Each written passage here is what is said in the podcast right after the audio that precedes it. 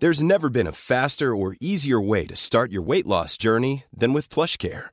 PlushCare accepts most insurance plans and gives you online access to board-certified physicians who can prescribe FDA-approved weight loss medications like Wigovi and Zepbound for those who qualify.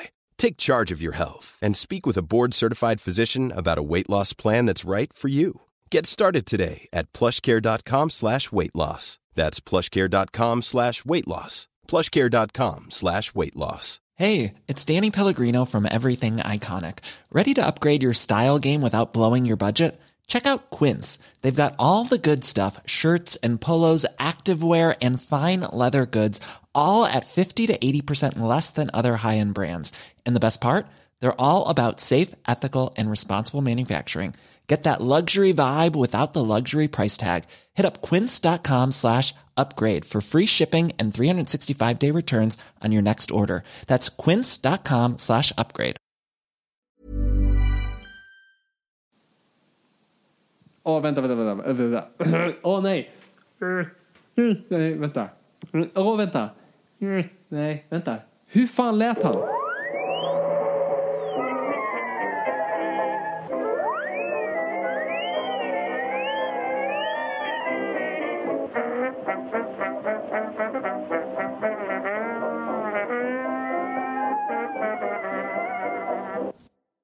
Då börjar jag i stort sett bara. Hej och välkommen till Nörden jag, jag som är nörden Fabian Nordlander. Och det är jag som är jag, Viktor Engberg. Det här är podcasten i samarbete med Acast där vi pratar nördämnen, nördkultur i slags bildande syfte. Jag försöker bilda Viktor i saker han tycker om men inte vet så mycket om. Och idag är en bra dag. Det är en bra dag men vi har misslyckats igen tror jag. Vad har vi misslyckats med? Nej, men jag tror ändå så här, med, med DC-månaden och allt det där, jag tror vi säkert fick in lite nya lyssnare och sånt där och det, ni är hjärtligt välkomna. Men vi har ju fortfarande inte fullföljt vår faktiska premiss vi nämner i starten av varje avsnitt, typ sen innan DC-månaden, innan Godzilla. För det kommer ju vara lite samma sak här nu, att det är du som kommer liksom skola mig, typ. Ja, det, det är att ta i och säga skola. Jag har läst på lite grann och, och kanske även lite grann fått välja ämne. Eh, Det här är ju ett ämne som, som ligger närmare mig än dig, om man säger så, framförallt under ens uppväxt.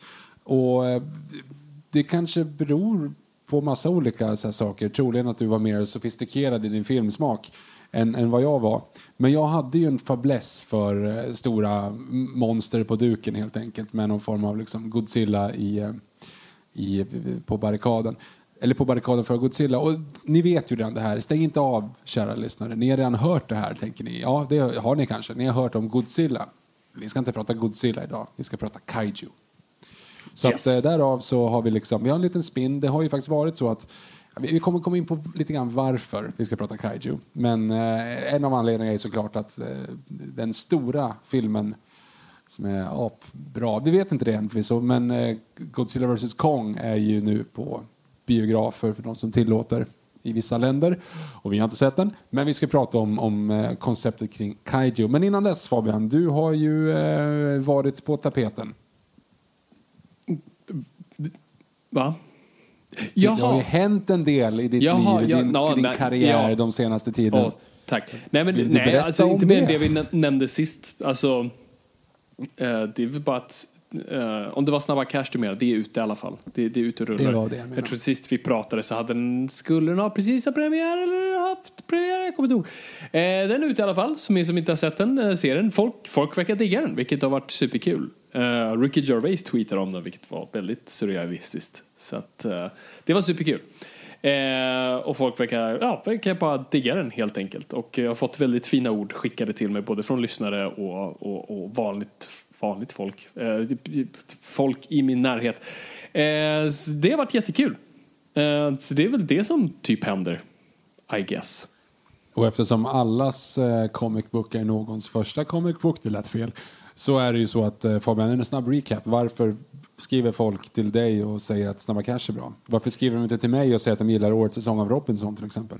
Eh, true. Nej men eh, så här, så, det- så det ska jag verkligen klargöra för den som inte vet. Jag har inte skapat Snabba Cash, jag har inte ens skrivit Snabba Cash. Alltså, jag var bara med i, i, i fasen av att utveckla Snabba Cash. Så jag, jag togs in som liksom, researcher och världsbyggare Eh, för att konstruera i stort sett eh, den moderna Snabba Cash-världen och hur den ser ut idag för att sen lämna över det till, till nästa kreativa team. Eh, så det, det, är det, jag- det är det jag har gjort på det. Och det var ju liksom över ett och ett halvt år sedan nu. Sen man liksom satt i rum med kriminella och andra rum med vissa hemliga slags poliser och liksom plockade, plockade deras hjärnor och såg intressanta saker. Uh, så, det, det, och, så det var bara jävligt coolt att bara se det nu på, på skärmen. Uh, ja, det är coolt. Det är coolt. Det är, det är, kul, att, det är kul att göra saker som blir av. Så att eh, jag är bara tacksam och glad och kul att det, det får en liksom bred release, mm, liksom det bredaste du kan få med Netflix och kul att folk diggar det och ser det och allt sånt där. Så att, eh, det är asnice. Och du har ju då kommit ännu ett steg närmare i vår äh, kära förkortning som jag nu inte kommer ihåg på rak arm vad det var. Men vi har ju konstaterat här i äh, bio, biografavsnittet att det är någonting man vill uppnå i Sverige så är det ju, det, finns, det är tre saker, eller fem saker. Det är Span ju, äh, var det. Span var förkortningen. Ja, men vad, vad var det då? då? Det var ju... Det, Sommar i P1. Ja, just det. Ja, sommar, ja, just det. Allsång på Skansen. Var den med? Det är A. Allsång mm. på Skansen. Vad är P1 då? För Nyhetsmorgon är N1. Ja, ja, just det. Ja, Nyhetsmorgon så är vi har, Vad fan är Så P1 vi har bara då? P1 då? Men va, det här är ju jättedåligt poddmaterial för det är bara att gå tillbaka och lyssna. Men, men jag har för att vi hade typ så här, hade vi, vi har typ reciterat det här typ tre du, gånger. Du sköt ner Skavlan att det inte var rätt. Ja men Skavlan är ju borta P1? nu dessutom. Perso ja, men han är inte borta, han, är, han var ju bara föräldraledig var det någon som skrev in och sa. Jo men nu lägger han ju ner. Jaha, du ser. Carina Bergfeldt är istället. Men, hon är eh, inte okay, men vi kommer inte, på, vi kommer inte på det P1 nu. Men det var ju någonstans i alla fall. Sommarprat. Vi gjorde inte SP som i sommarprat. Sommarprat? Skitsamma. Nej. Det som vi röstade bort i alla fall var ju att vara med på IMDB.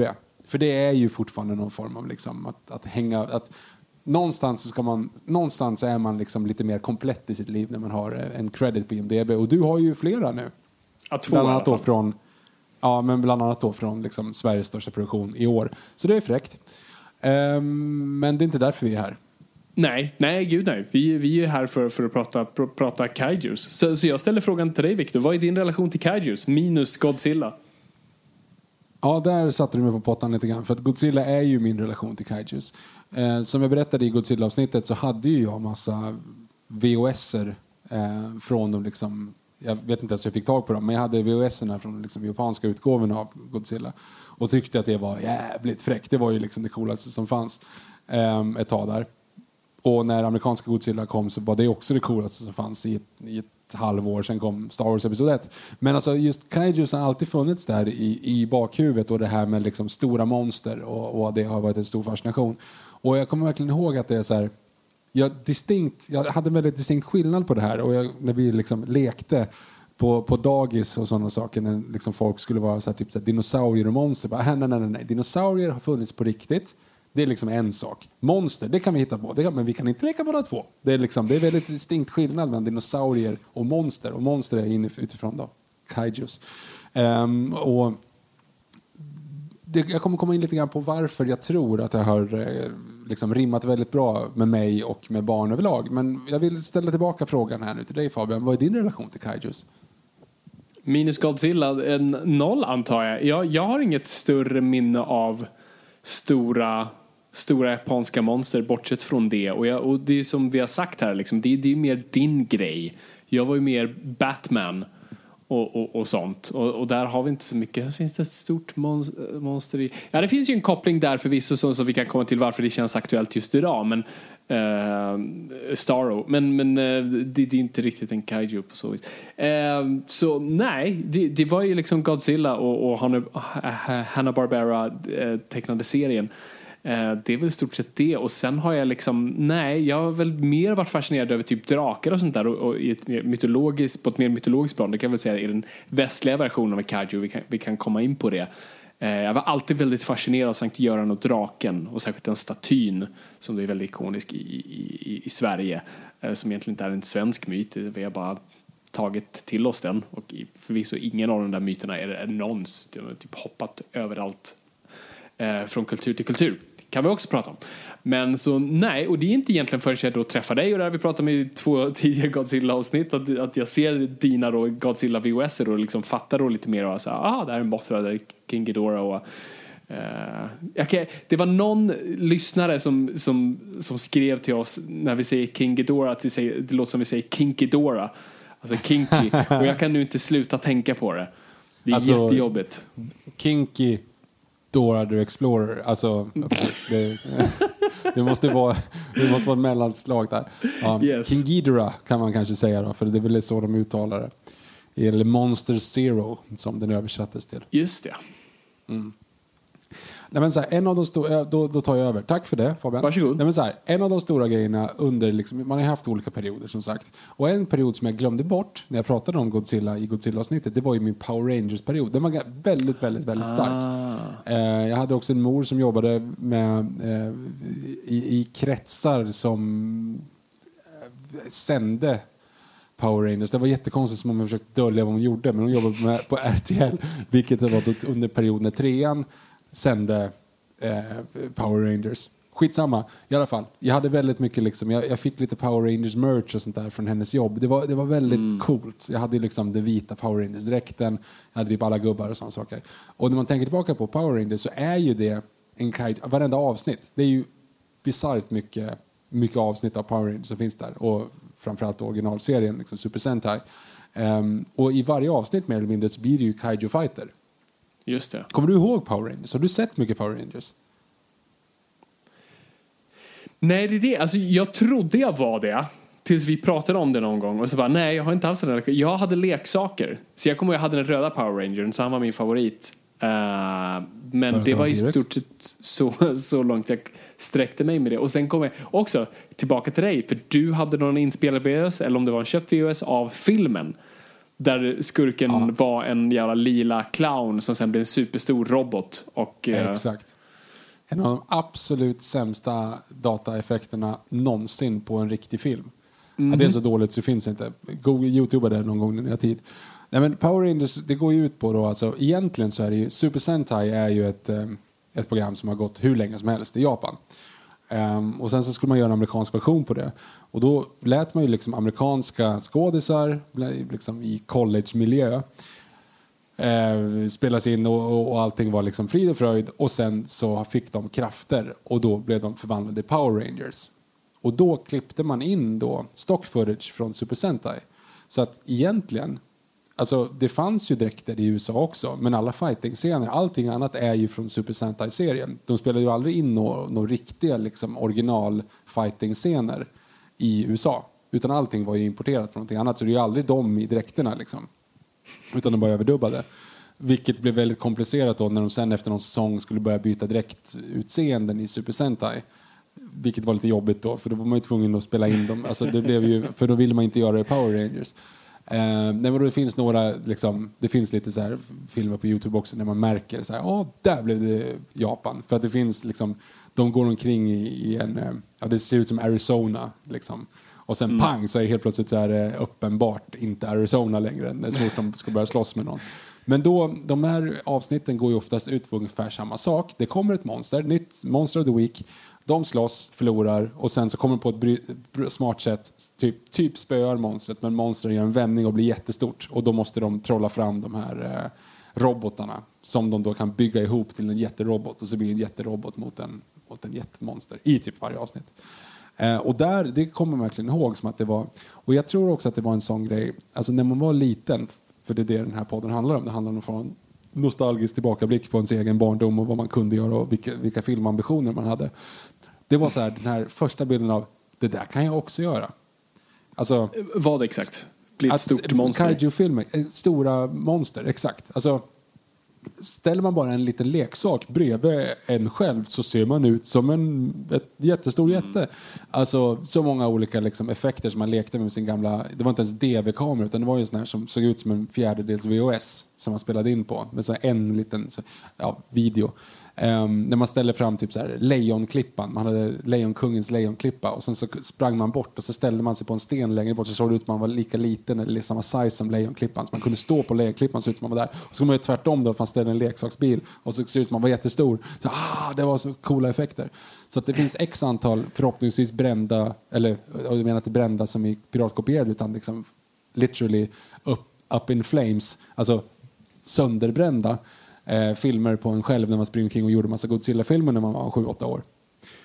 Det var inte så, ingen kvalitet kan jag säga. Nej, men Men och det, då- det är en rätt fascinerande aspekt till, till jag tror fascinationen till, till stora monster, kaijus och allt sånt där. Det, alltså, äh, bara tappa in i, i den känslan och, och du behöver inte ens ha, ha videokameran där just av att faktumet när du är liten. Jag hade till exempel en sån här, så min matta, jag tror många hade det, så min matta i mitt barnrum var en sån här, ja men som var som en stad, du vet, du hade bilvägar och sånt där och där kunde du köra med din bil och så, jag tror många hade det. Jag kommer ihåg när min eh, mamma bestämde sig för att slänga den, för jag, alltså den har blivit så jävla skabbig efter många år.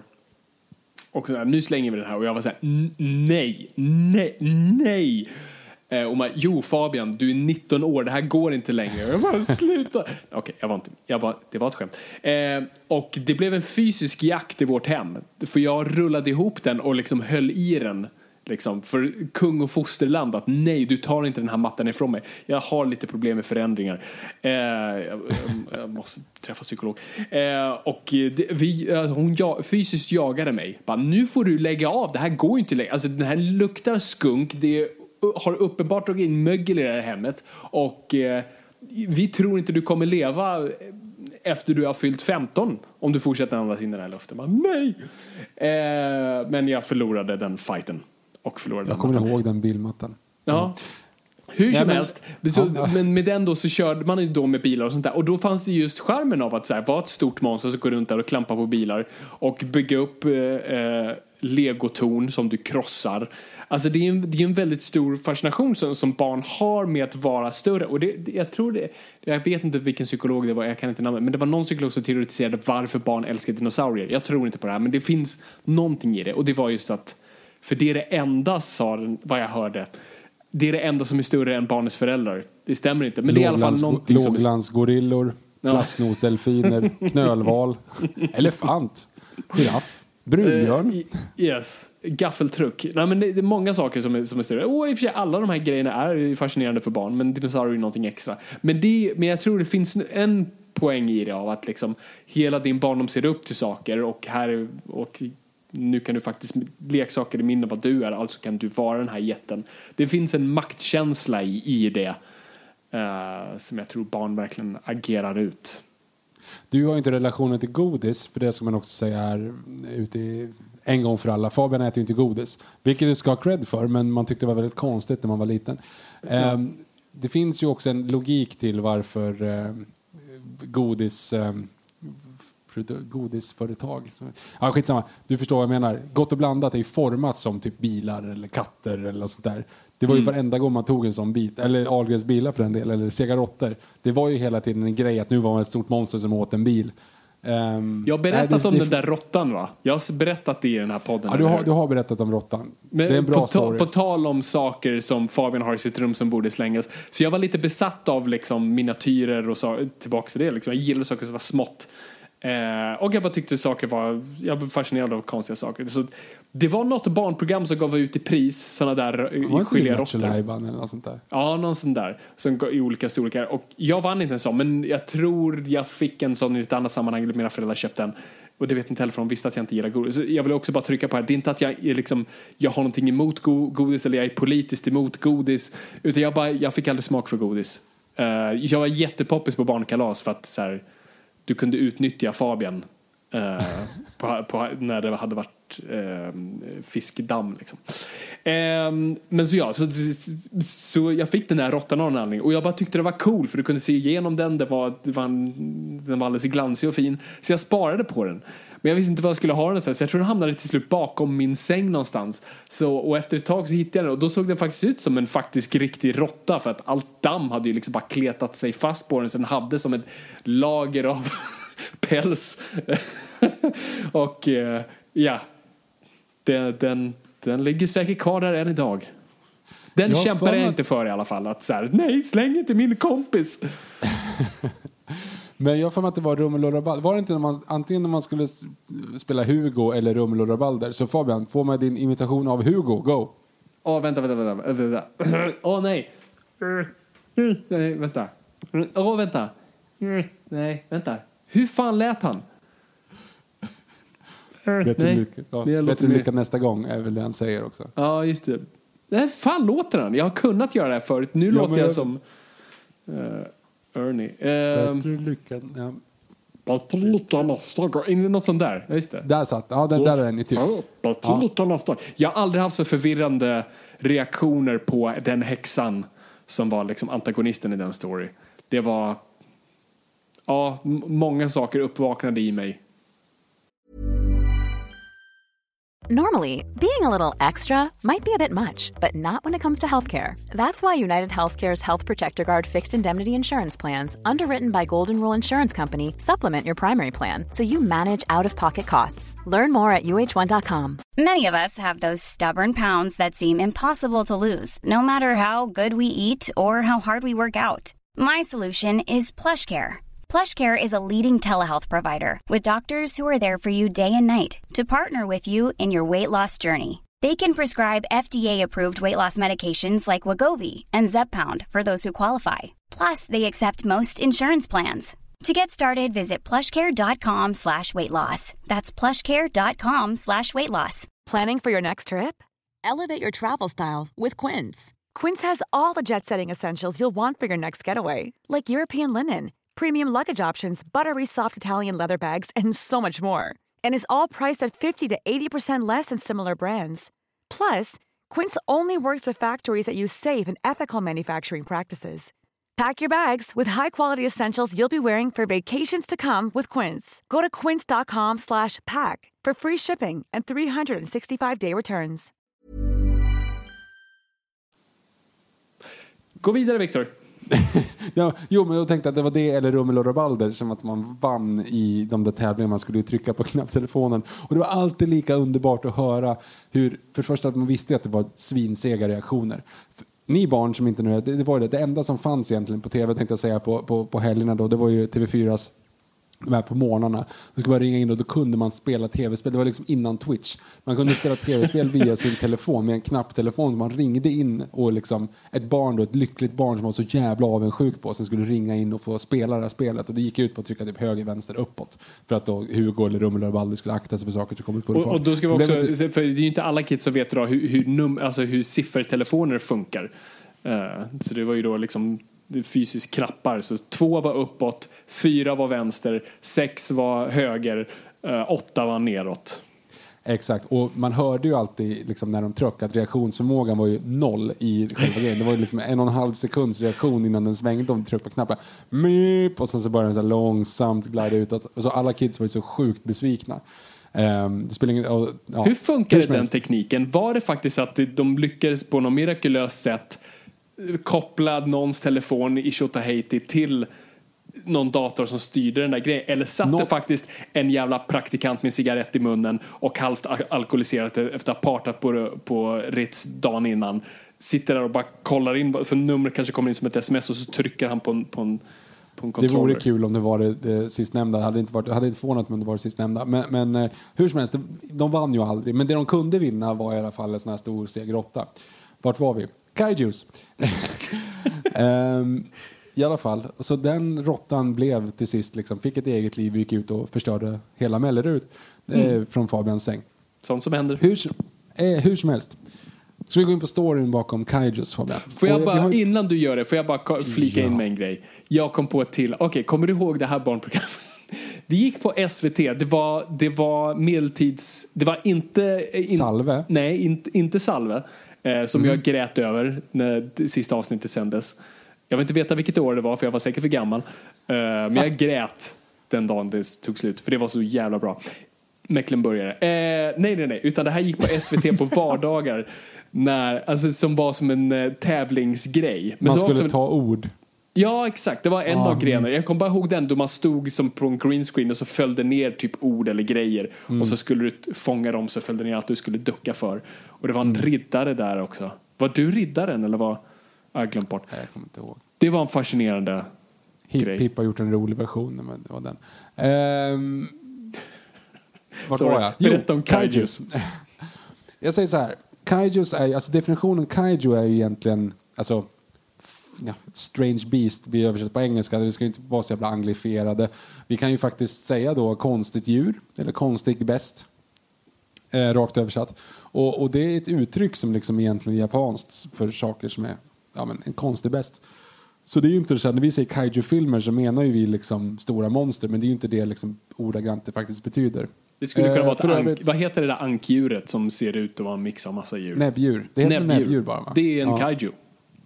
Jag kommer inte ihåg i, om det var Larsson eller om det var Ernie. Det var någon som hade liksom på den åttonde dagen skapade djur, Gud näbbdjuret. Alltså, att han var bakfull. Eh, Åh gud, vad tänkte jag på Resten han hade kvar. ja, men eh, vart var jag? Jo, ja, men om, man, om man nu ska räkna. Det här är en väldigt simp- enklad, förenklad version av den här storyn. Men om man ska liksom gå tillbaka från någon form av liksom filmhistorien. Och en av grejerna, ett ställe man skulle kunna börja är 1925. Willis O'Brien står för effekterna i klassikern The Lost World som är en adaption på Sir Arthur Conan Doyles bok med samma namn. Det är den store, då kallade Brontosaurus som åker omkring och gör mayhem liksom, i, i, i världen. Willis O'Brien gjorde ju sån här stop motion teknik och det var ju väldigt stort och fräckt. Och ni känner igen namnet på grund av att han kommer ju sen att även att göra King Kong. Och King Kong är ju liksom effektiviserar det här och gör det här på ett sånt bisarrt sätt så att folk liksom svimmade i salongerna när de såg hur, hur coolt det var. Det är inte riktigt lika coolt idag ska man säga. Alltså första King Kong är, den är beundransvärd men det är ju inte speciellt bra film. De la det mesta på effekterna. Men det kan ni lyssna på i vårt King Kong-avsnitt. Vi fortsatte även sen med Son of Kong, kom året efter. Och trots att det här är liksom totalt jävla groundbreaking effekter så eh, är det lite roligt Fabian. Jag har ju lyssnat en del på When We Were Kings där Erik Niva hela tiden sitter och quizar sin, eh, sin motpart så här. och det kan man inte göra på, med fotboll till exempel. Alltså, jag skulle ju kunna göra det men det hade inte varit så mycket, så mycket respons på det. Ni som är lite fotbollsintresserade där ute, ni skulle till exempel kunna reagera på en sån fråga som jag säger till Fabian att eh, nämn en spelare i svenska landslaget. Eh, Förutom Zlatan då? Magnus Carlsson. Sångare i Barbados. Eller om jag bara säger... Det låter jag som ett fotbollsnamn. Vänta, ge mig en till. Eh, Okej, jag, vill sä- jag, vänder, okej, jag vänder på det så här. Jag säger så här. Fabian, vill du förklara vem Marek Hamsik är? I'll do you one better. What is... Vem? Vad sa hette han? Marek Hamsik. Okej, nej det var inte lika roligt. Jag tänkte bara ungefär på vilken nivå han är. Så jag ska inte ställa quizfrågor relaterade till fotboll. För övrigt är When We Were Kings den bästa podden jag någonsin har hört. Hur som helst. Okej. Eh, förutom den här då såklart. Eh, Fabian, vilket år infördes effekts-Oscarn? Oh, fan det här borde jag ju kunna. Men för det är en sån här grej, så här, smink-Oscar kom in jättesent också har jag för mig. Ehm, så vilken kan ha funnit? Mhm, mhm. Mhm. Ja, ett, ett nummer dök upp mitt huvud. 1938. Det är faktiskt rätt. Va? Eh, är jag inte, om jag inte är helt ute och cyklar förresten. Jag har för mig att det var i alla fall att de hade ehm, att, den tog, att det var det, för att om det är 38 eller om det är 39. För grejen är att varken King Kong eller Son of Kong vinner. Och det är ju liksom poängen i att Willis O'Brien vinner faktiskt aldrig den. Så jag, nu, nu, nu, ni kan ju googla ni som är igång på det där. Men han vinner ju däremot en Oscar för filmen Mighty Joe Young. Har du sett bilder, alltså filmer från Mighty Joe Young som kommer ut 1949? Jag hörde du med Charlie Theron-versionen? För nej, den nej, är jag nej, väl herregud. bekant med. Ja, det förstår jag. Imba wimbo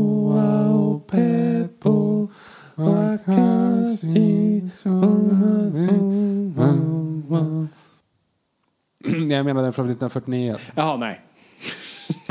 den är död i mitt huvud. Ja. Men den i alla fall, alltså det ska ni också när ni får lite tid över, kolla den för de effekterna är fan bisarrt bra. Alltså framförallt om man kollar på King Kong, det här är ju några år senare såklart men det är ju samma effektsmakare och det, är så här, det ser bisarrt bra ut liksom, för att vara en 40-talsfilm som är stop motion. Fråga. Eh, men, I vilken av filmerna har Bill Paxton en öron-piercing?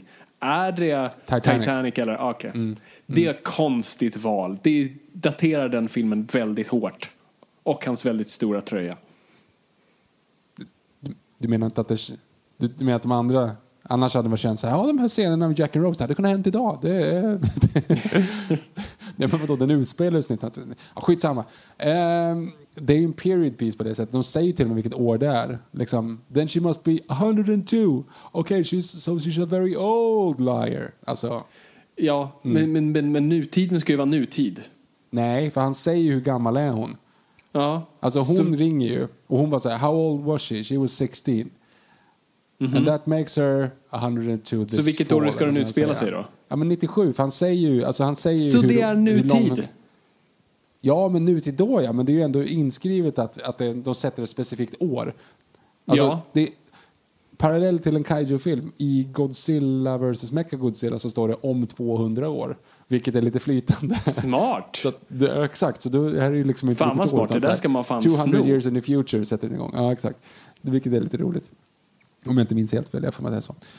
Eh, vilket gör också att Mechagodzilla-filmen utspelar sig efter alla andra Godzilla-filmer. Men ändå så kommer Mecha- Return of Mechagodzilla, eller Terror of Mechagodzilla, utspelar sig typ året efter Baragon är med, vilket inte... Ja, skitsamma, vi släpper det här. Vart var jag? Jo, Mighty Joe Young. Och då jobbar ju Willis O'Brien då tillsammans med en protégé.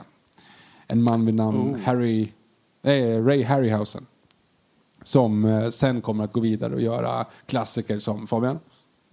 Eh, Jason and the Argonauts. Exakt, som de flesta känner till för att den har vi pratat om när vi vårt avsnitt om gudar. Ehm, men det är en av de filmerna som har relevans för det här avsnittet. Det är ju eh, The Beast från 20 000 Phantoms. Som jag nu inte kommer ihåg vad monstret heter. Men det är ju Ray Harryhausens liksom, projekt då. Att det är ett, ett, eh, ett öd, en ödelik varelse som väcks av eh, kärnvapentest och går upp och, och förstör staden. Och ja, det, det låter ju bekant. Och det är ju för att dels för att det påminner väldigt mycket om Godzilla och dels för att vi pratar om det här i vårt Godzilla-avsnitt. Så Godzilla är ju egentligen, alltså det är ju till och med creditad på IMDB som liksom efter förlagan Beast from 20 000 Phantoms. Vilket är lite så här, mm, okej, då borde ju typ alla dinosauriefilmer vara mot Jurassic Park och då borde alla typ så här, spionfilmer vara mot James Bond. För det är inte samma sak, men det är klart att det finns likheter. Liksom.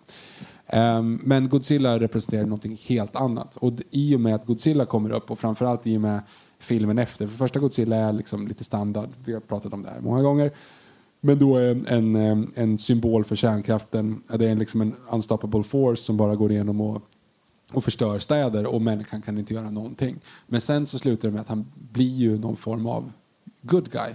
Och sen så börjar det lite crossover, så det är lite slåss mot andra monster och sen då så förstår man att ah, det här kan vi göra på fler sätt. Så det slutar med att egentligen så har vi ju, alltså det är ju den första riktiga världbyggaren om jag inte kan komma på någonting annat.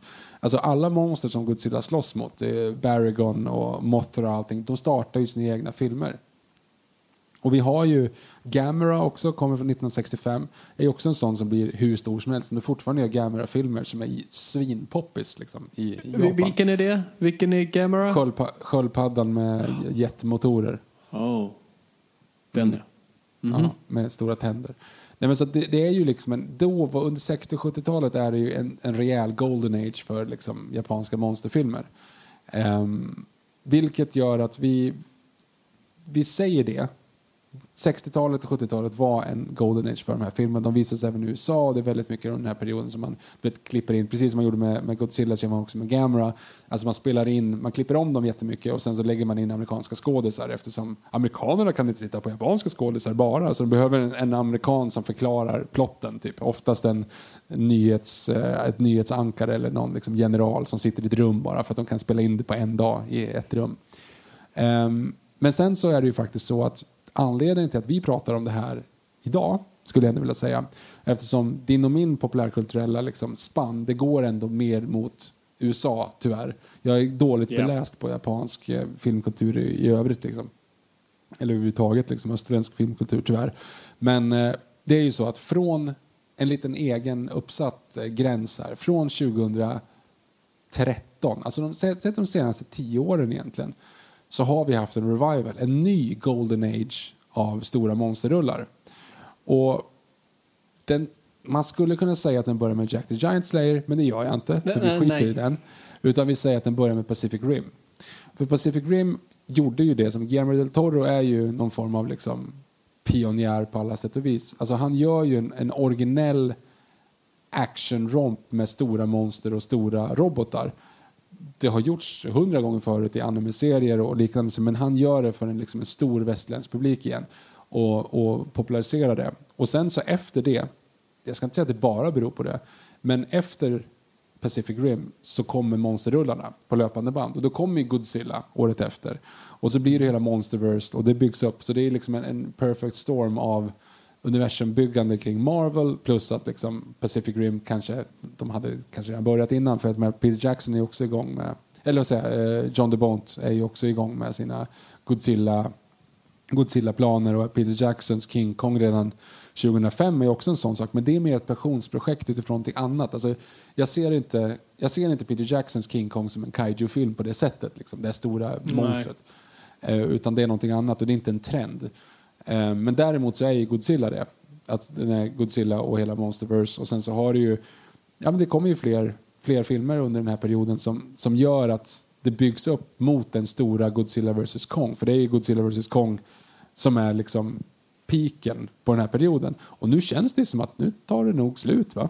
Alltså ja, men, nu, nu, är det inte så mycket mer. Nej, men, men, det man någonstans har landat i är ju liksom det fascinerande där, det, det jag syftade på lite där i starten är ju just hur Alltså kaiju, jag tror särskilt just tack vare Del Toro, alltså jag tror folk som var insatta så som dig själv och, och, och särskilt folk in, inom intresserade av japansk kultur var väl eh, etablerade i, i termen kaiju. Eh, oss vanliga dödliga var det inte så, men nu, nu är det i folkmun och, och det, det verkligen cementerades tror jag av då, då nu i Suicide Squad-trailern eh, som kom här nu, alltså inte den Abomination för några år sedan.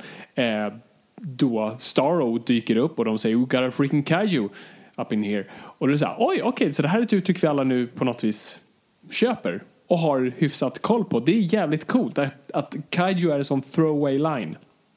Och vi ja. ska typ kunna fatta i alla fall typ vad det är för någonting. Det är jävligt balt. Ja, eh, jag, jag är helt med. Det är bara för att liksom understryka min, min grej så eh, Rampage känner jag som en sån. Ja, det. Det, är någonstans, det är någonstans en sån här, okej, okay, så det, det är, nu spinner vi på någon form av, det är ju egentligen en tv-spelsproperty, mm. men liksom det gör ju oss, okej, okay, vi har en stor apa, vi har ett stor liksom, typ krokodilmonster, vi gör en Godzilla vs Kong för att vi har någonstans. Ja, jag hade alltid komma ganska långt med. Men även The Meg till exempel är också den Just typen det. av liksom, mm. stora grejer. Sen har du faktiskt den filmen med Anne Hathaway också. Eh, alltså Colossal. Just ja. Som liksom, det känns också som en sån här, alltså, piken i en, en kultur när du kan göra en spoof på det. Alltså när du kan göra en komedi i en genre, då har du kommit långt. Alltså, då, då är den liksom, då är den medveten. Det här är såklart inte liksom en, en vattentät, vattentäta skott, utan det var någonting som vi satt och resonerade kring här eh, innan. Fabian, jag vill bara en liten så snabb grej. Har du någon så favorit, favorit kring kaiju-temas? Alltså så här, jag, jag, det finns ju liksom, ofta så representerar de ju någonting. Alltså mm. åtminstone mm. i liksom från början, om i, vi har ju pratat oss urleda på att Godzilla är en, en alltså, eh, symbol för, för kärnkraften och, och, allt vad amerikanerna var och, och, vad de förstörde. Och Rodan var mot Sovjetunionen och du vet, allting sånt där. Men, men har du någon liksom, favoritidé kring vad en kaiju ska vara? Nej, alltså inte en konkret, men det är det jag tycker är så fascinerande med kaijus. För kaijus är ju liksom, om man verkligen går tillbaka till det så är ju, alltså kaijus kan, kan du gå tillbaka till legend och det närmaste vi har där är ju, är ju drakar. Eh, det vore kul att faktiskt göra ett helt avsnitt kring, kring drakar för det, det, det är sitt egna monster näst, nästan i sig. Men, men vad draken är är ju också en symbol. Det som är coolt med drakar är ju att varenda kultur har en. Och så den romantiska sidan av en tänker för jag hade fucking drakar och vi visste bara inte om det. Eh, och alla sett dem och därför ritar alla ner det. Men, men, om du kollar på, på tidiga drakar så är egentligen varje kulturs drakar egentligen en mix av de läskigaste sakerna de kunde hitta i, i, liksom i sin vardag. Så, och det är därför du har liksom eh, gripen eh, i vissa kulturer och du har liksom den mer ödleliknande draken och, och ibland har draken ett mänskligt ansikte, ibland har den ett kattansikte, ibland Massa olika saker. Och det är ju för att draken representerar i, i stort sett en, en mix och en representation av allting vi finner är läskigt och ett hot och den, den får vara representant för det. För kollar du på den kinesiska draken, där är ju stort sett, ja, men det, är en, det är en orms kropp, det är eh, ett tigers huvud, Eh, den har en fisks eh, svans. Ja, men du vet, bara en mix av massa jävla saker som de bara fann fett jävla läbbigt. Och lägg på det att vissa drakar, är väldigt få, det kommer från Beowulf egentligen, att, att drakar sprutade eld. Det, det, som sagt, det har vi kommit med mycket senare. Men, men, men det, det, är en bra koppling till det, för det är också, det är ju någonting vi är rädda för, liksom elden. Det kan du både koppla till teknologi, om du går till eh, Prometheus, men, men, men, du kan också koppla det till bara fysiska eld, fucking jävla läskigt och det kan förstöra precis allt. Precis som ett stort jävla monster som kan bara vandra in. Eh, så draken har ju alltid varit en representant för egentligen allt, vad vi vill att draken ska representera, både inre och yttre. Liksom. Vad är vår inre drake och, och, och vad är den externa draken? Och vad är det du gör med en drake? Jo, men en drake är ju, ackumulerar också väldigt mycket. En, en, drake sitter på guld eller sitter på prinsessan, inte fysiskt sitter på henne, men, men ni förstår vad jag menar. Eh, Jabba gör. Ja, precis. Men han är, är i fan, fucking kaiju eller drake. Ehm, um, det är på något vis den här hoardern av, av, av saker som, som, som kan korrumpera oss. Uh, och eh, en drake kan vara fridfull och, och sitta och du behöver inte väcka den men den kan också, det är den här som man säger sovande draken som kan fucka ur ordentligt. Uh, kolla Hobbit. Uh, och det är ingen slump liksom, att Tolkien verkligen plockade från alla former av myter med, med Eh, jag höll på att säga Smigol, det är Smaug.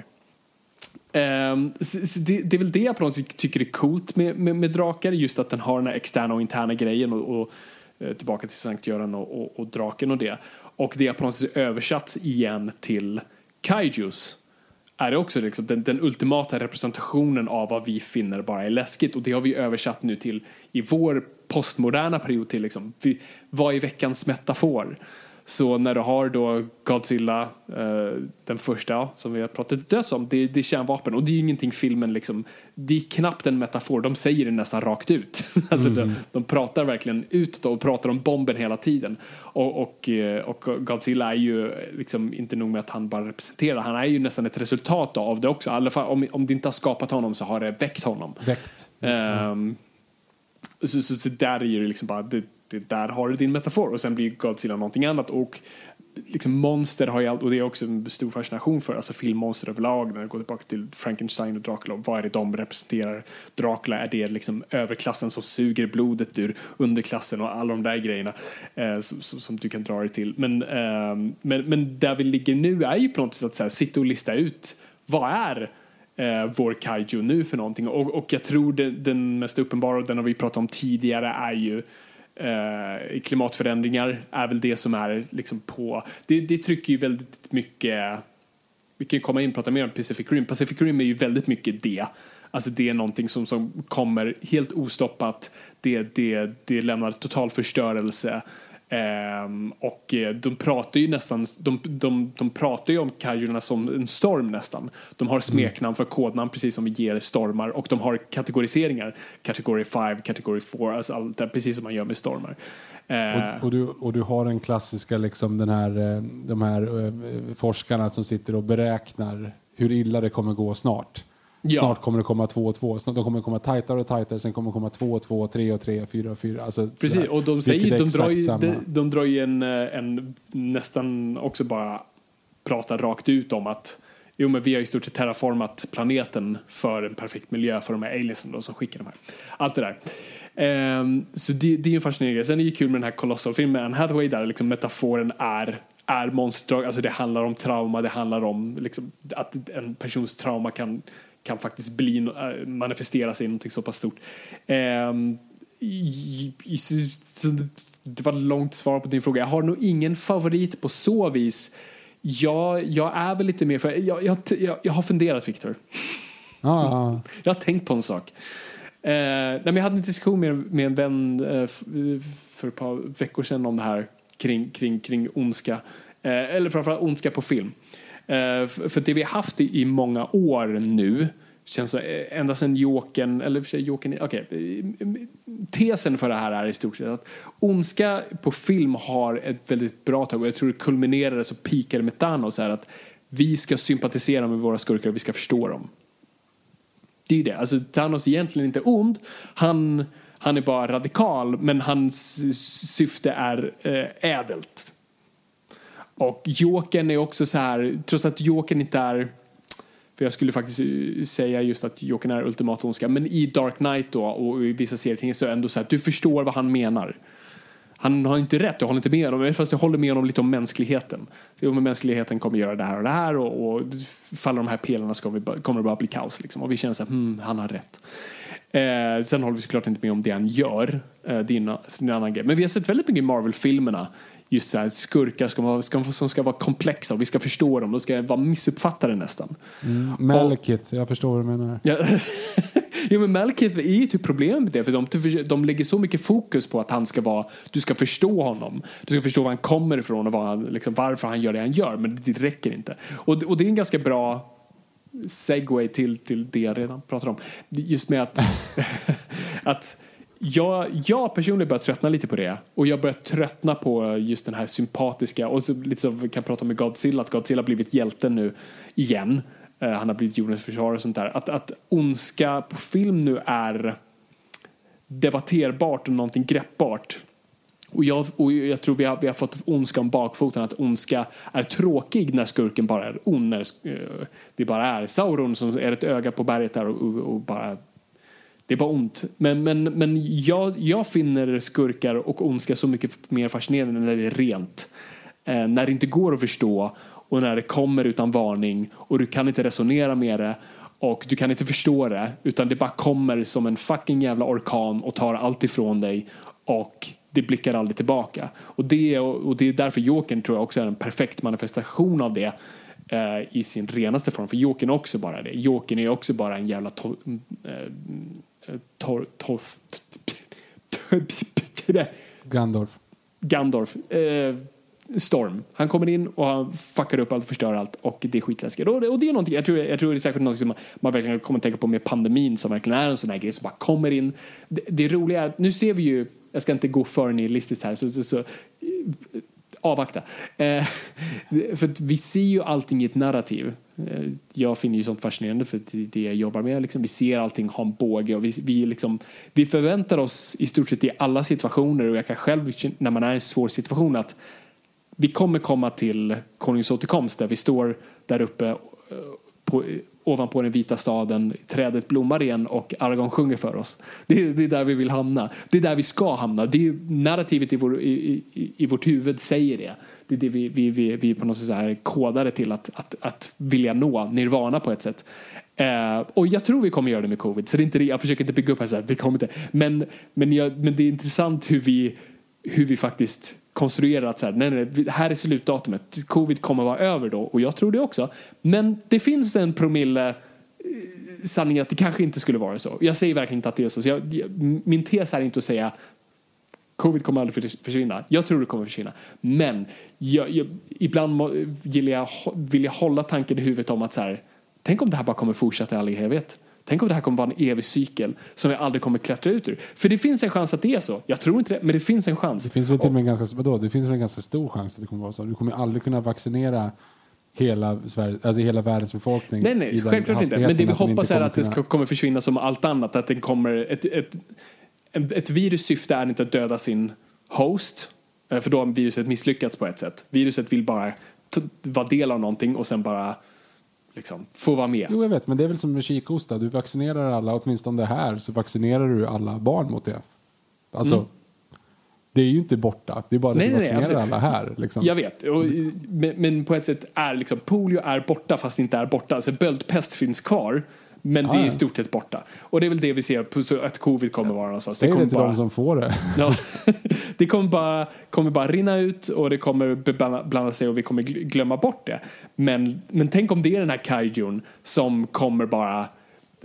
Vi har pratat om det här, du och jag Victor, så här, tanken kring en kaiju som bara går världen, världen runt och bara förstör runt omkring sig och bara, vi väntar bara på att den ska komma tillbaka till vår sida. Vi kan inte stoppa den, vi får bara acceptera att leva med den här kaijun. Så kommer bara komma runt en gång om året, komma vandra in här i Stockholm bara fuck upp. Vi hoppas att han missar slottet och eh, stadshuset. Eh, Globen var helt okej.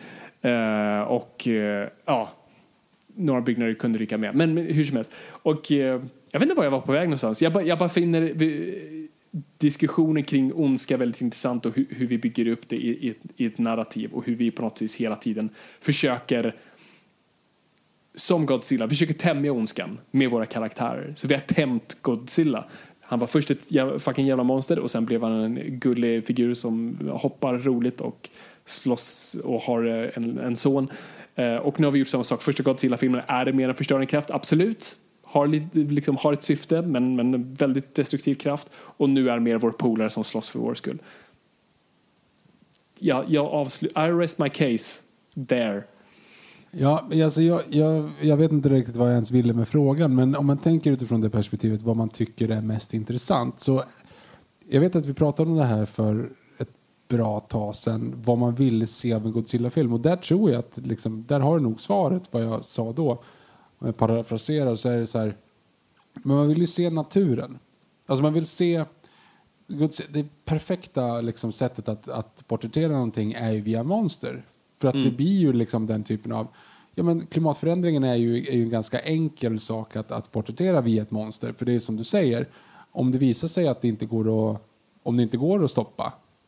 Alltså som, som liksom, om man säger då till exempel med, med klimatförändringen. Ja, men det kom, vi vet att det kommer gå söderut. Vi har liksom, forskarna säger att det kommer gå söderut. Vi får anpassa oss men vi liksom, det kommer bli värre än så här. Kanske inte så illa som Al Gore säger men det kommer gå illa. Liksom. Det är ingen snack om saken. Och jag menar, om man skulle liksom, det har vi på något sätt accepterat. Och som du säger, då, tänk om vi skulle kunna ha den, alltså, den manusförfattaren, tänk om det skulle finnas någon här i rummet som leker med den tanken kring exakt som du sa, så här att i en värld där Godzilla finns, ta Godzilla, hur bara folk skulle leva. På samma sätt som vi, som vi pratat om, hur skulle folk egentligen leva i en värld där Superman finns? När man vet att man själv är helt, helt onödig. Alltså, Marvel-universumet har ju ett problem nu, till exempel, när hela världen vet om att de bara kan försvinna med ett knapptryck. Liksom. och, och det Ja. finns hur många liksom, människor och monster och, och varelser som helst som liksom är så pass mycket bättre än en själv. Det måste ju verkligen kännas så här som att utbilda mig. Varför då? Alltså, Watchmen leker ju också med den tanken. Alltså det finns någon form av så här, om någonting finns där ute så finns det ju ingen anledning för oss andra. Det är bara, nu går vi ut och, och kastar tv-apparater genom skyltfönster direkt liksom. Ja. För att det finns ingen anledning att, att leva ett vanligt liv. Och det är en ganska intressant grej, för det är ju troligen inte så. Det är sånt som du säger, man längtar ändå efter Aragon uppe på, på vita, vita staden. Så frågan om det skulle sluta för det, för det måste vara jobbigt att vara i kaos hela tiden. Vara Exakt. jobbigt att gå omkring och vara rädd. Alltså, för jag, jag funderade på det senast för några dagar sedan. Jag tänkte på, jag såg den dokumentären för övrigt som jag rekommenderar som handlar om kalla kriget på SVT. Alltså, för då beskriver de ungefär som att eh, alltså, dom, domedagsklockan var hela tiden bara några minuter ifrån eh, Tolvslaget. ja, men tolvslag, alltså världen skulle gå under. Och man lärde barn i skolorna i USA liksom, att duck and cover. Göm dig under bänken om bomben kommer. Och de som lär ut det vet om att det hjälper ju inte. Alltså, Nej. det är ju bara ett sätt att få barnen att, att liksom vara lugna när de brinner upp. Alltså, det är helt bisarrt. Liksom. Och, och det är ju en sån här grej, att det levde man med då. Och jag menar i Västberlin alltså, och Väst och Östberlin när man hela tiden hade liksom den så pass påtagligt nära varandra. Och det liksom, alltså det, det, det måste vara, jag kan inte ens tänka in mig. Ni får gärna, ni lyssnare som levde under den perioden. Jag vet inte hur Sverige var på den, den tiden, men jag kan inte ens tänka mig att leva fun, alltså jag, jag kan inte få in det i huvudet hur man skulle kunna leva hur man skulle kunna gå och lägga sig på kvällen och veta att när som helst kan det smälla atombomber. Alltså jag hade blivit tokig liksom. Frågan Men jag- lilla Fabian. Han, han, han var livrädd för kometer som barn. Eh, Jag jämför mig inte alls med de som le- levde bara för 50 år sedan. Jesus Christ. Det här var ett dåligt skämt. Jag var livrädd för kometer och jag kollade alltid på flygplanen utifrån mitt fönster. Är det en komet? Är det en komet? Nope, flygplan. Okej, det är lugnt. Eh, Sett för mycket dinosauriecontent. Nej, men det, är en väldigt int- intressant grej och det är väl därför man förut applicerade såna här grejer på, på alltså det gudomliga. Alltså du hade eh, Tor och du hade liksom, och grekerna hade Zeus och, och, och alla gudar för olika saker för på något sätt att det här är de här galna gudarna som utför de här krigen eller de här storiesna som utspelar sig och vi är bara myror i spelet. Jag vet inte om det hjälpte någon jag, jag kan tänka mig för att det gjorde det. Eh, för då, det är på något sätt att ge ordning till, till något som känns som kaos. Och det är en ganska stor likhet till kalla kriget är att, att vi ser det spela ut. Att vi har de här galna gudarna, vilket är ledarna, som på något sätt spelar ett schackspel. eh, med våra liv. Ehm, um, but där, där känns det nog ännu mer som kaos för att du kan faktiskt se dem, du ser vad de gör och du ser, fattar att de är mänskliga. Det, det är på något sätt lättare att hantera när du, när du accepterar att det finns något större än dig där ute. En gud eller en kaiju. Ja, men ja, exakt. Nej, men det, det, är en intressant grej, för det är såklart att det inte var så. Alltså, klart någon var livrädd jämt, men kroppen orkar ju inte vara så påtänd, påtänd hela tiden på liksom påslagen på alla cylindrar och, och adrenalin, så det blir ju vardag. Mm. Precis som att vi kanske lyssnar på det här avsnittet om, om två år i framtiden. Hej framtiden. Alltså man bara så här, hur var det egentligen under pandemin? Och man bara säger, ja, tänk man kunde ju inte fungera, tänk att bara gå omkring och vara livrädd för att bli sjuk hela tiden. Så bara, ja fast det, det, gick ju, det gick ju rätt bra. Alltså, jag menar, så här, vi fungerar relativt normalt ändå. Alltså, det är så här, visst, man sitter hemma och det så, men man finner ju sig i det ganska snabbt. Liksom. Ja. Alltså, det är en väldigt, det, jag tror människan är väl snabbanpassad. Gud, så att, ja. menar, tänk att, att ha Godzilla som, precis som du beskrev, som man vet liksom, åker, på, åker på parningsresa en gång per år och går rakt igenom Europa, simmar mm. över Atlanten och lägger ägg i Nova Scotia. Och sen så knallar ner rakt genom hela USA, genom Mexiko, ut genom Syd Sydamerika och lägger sig på Antarktis och sover. Och så gör han samma resa varje, varje år. Det är det, bara liksom, det är det som är väldigt bra med... varje år att den inte kommer. Alltså, hoppas han inte tar mitt hus nu. och liksom, så här, det, är det är bara... Hoppas han går genom Danmark den här gången. Gå inte högre ja, men, upp. Ja men precis, om man bara liksom har den, hela den känslan. Eller liksom, och det, det, skulle ju sluta, för det där skulle ju utnyttjas på något sätt. Det blir ju liksom, ja men shit, min Saab är lite sliten. Ja vad fan, vi ställer den här utanför så vi får försäkringspengarna. Alltså, den, mm. Det skulle ju bli ganska snabbt liksom, en vardag för folk att det kommer en effektiv jävla monster som går rätt igenom, genom landet varje år. Ja, alltså det, eh, det, är en väldigt bra poäng just hur, hur, adapterbar människan är. Och det är någonting jag verkligen tror på också. Och särskilt ja, som, som med vi, vi kommer vara väldigt duktiga på det. Eh, och, och det är en sak, om vi ska, jag vet inte om vi ska snudda på Pacific Rim just för att där tycker jag att den, den behandlar det ämnet väldigt bra. För att Pacific Rim utspelar sig 20 år efter invasionen i stort sett. Där världen har någonstans vant sig vid att de har till och med byggt liksom städer runt stora kaiju-lik i stort sett. Mm. Och det finns en svart marknad för det. Och, och människan har någonstans liksom vant sig vid det. Och det är en hyfsat normal värld ändå. Den är inte totalt jävla kaos.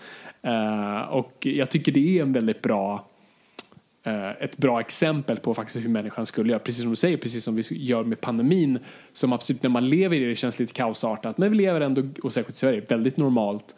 Och vi bara liksom, ja vi läser om det i tidningarna, så, liksom, det här har hänt idag. Okej. Okay. Och så går jag och sätter på teet ja, exakt. Det, ja, det är en väldigt fascinerande grej. Och det, där, ja, för fan, det, kanske det är Kajun är idag.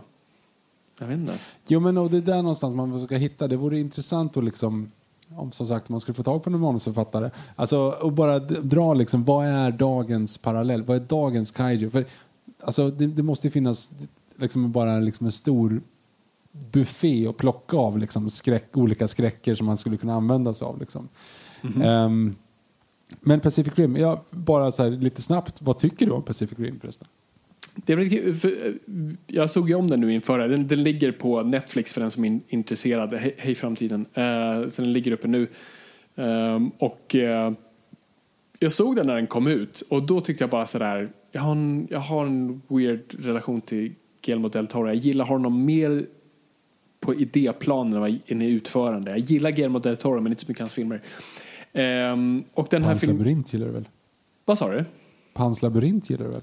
Jag gillar den. Jag måste se om den nu igen, men den är alltid lite sådär, jag gillar också idén av den, jag gillar när jag sett den och sen när jag mer tänker på den så bara, just det, men det är bäst de här delarna som är bra. I helhet är den rätt rörig. Och jag, alla, mm, mm. alla hans andra filmer är också väldigt sådär, ah, jag gillar idén med det, men uh, det är som att han är, han är för stort fan av det. Jag vill se Guillermo del Toro göra typ jag vet inte, ja, någonting utan monster i alla fall. Någonting helt straight. Mickey och, Veron Mickey och Veronica 2 tror jag. David Hellenius och Isabella Scorupcos. Ja, den vill jag se Guillermo del Toro göra. Ja. Jag tror han skulle göra ett mästerverk. Så, mm. Nej, men, eh, så när jag såg den första gången var jag inte ett stort fan alls. Jag tyckte det var en klyschig actionfilm och så, ja, den såg cool ut. Och så såg jag om den nu och på något sätt omfamnade lite det absurda i det. Och jag sa, ah, ja men det här är mening, alltså det är så pass genre nu att han liksom replikerna ska vara klyschiga, karaktärerna ska vara pappfigurer. Det är liksom det, det är vad det är. Och när jag på något sätt slappnade av i det och verkligen förstod, och när man verkligen förstod Germ att han är inte intresserad av människor, han är intresserad av monster. Eh, då på något sätt kunde jag slappna av lite mer och, och jag, vet inte, jag diggar verkligen den världen han målar. Och den hade jag verkligen inte tänkt på innan, just världen han målar upp.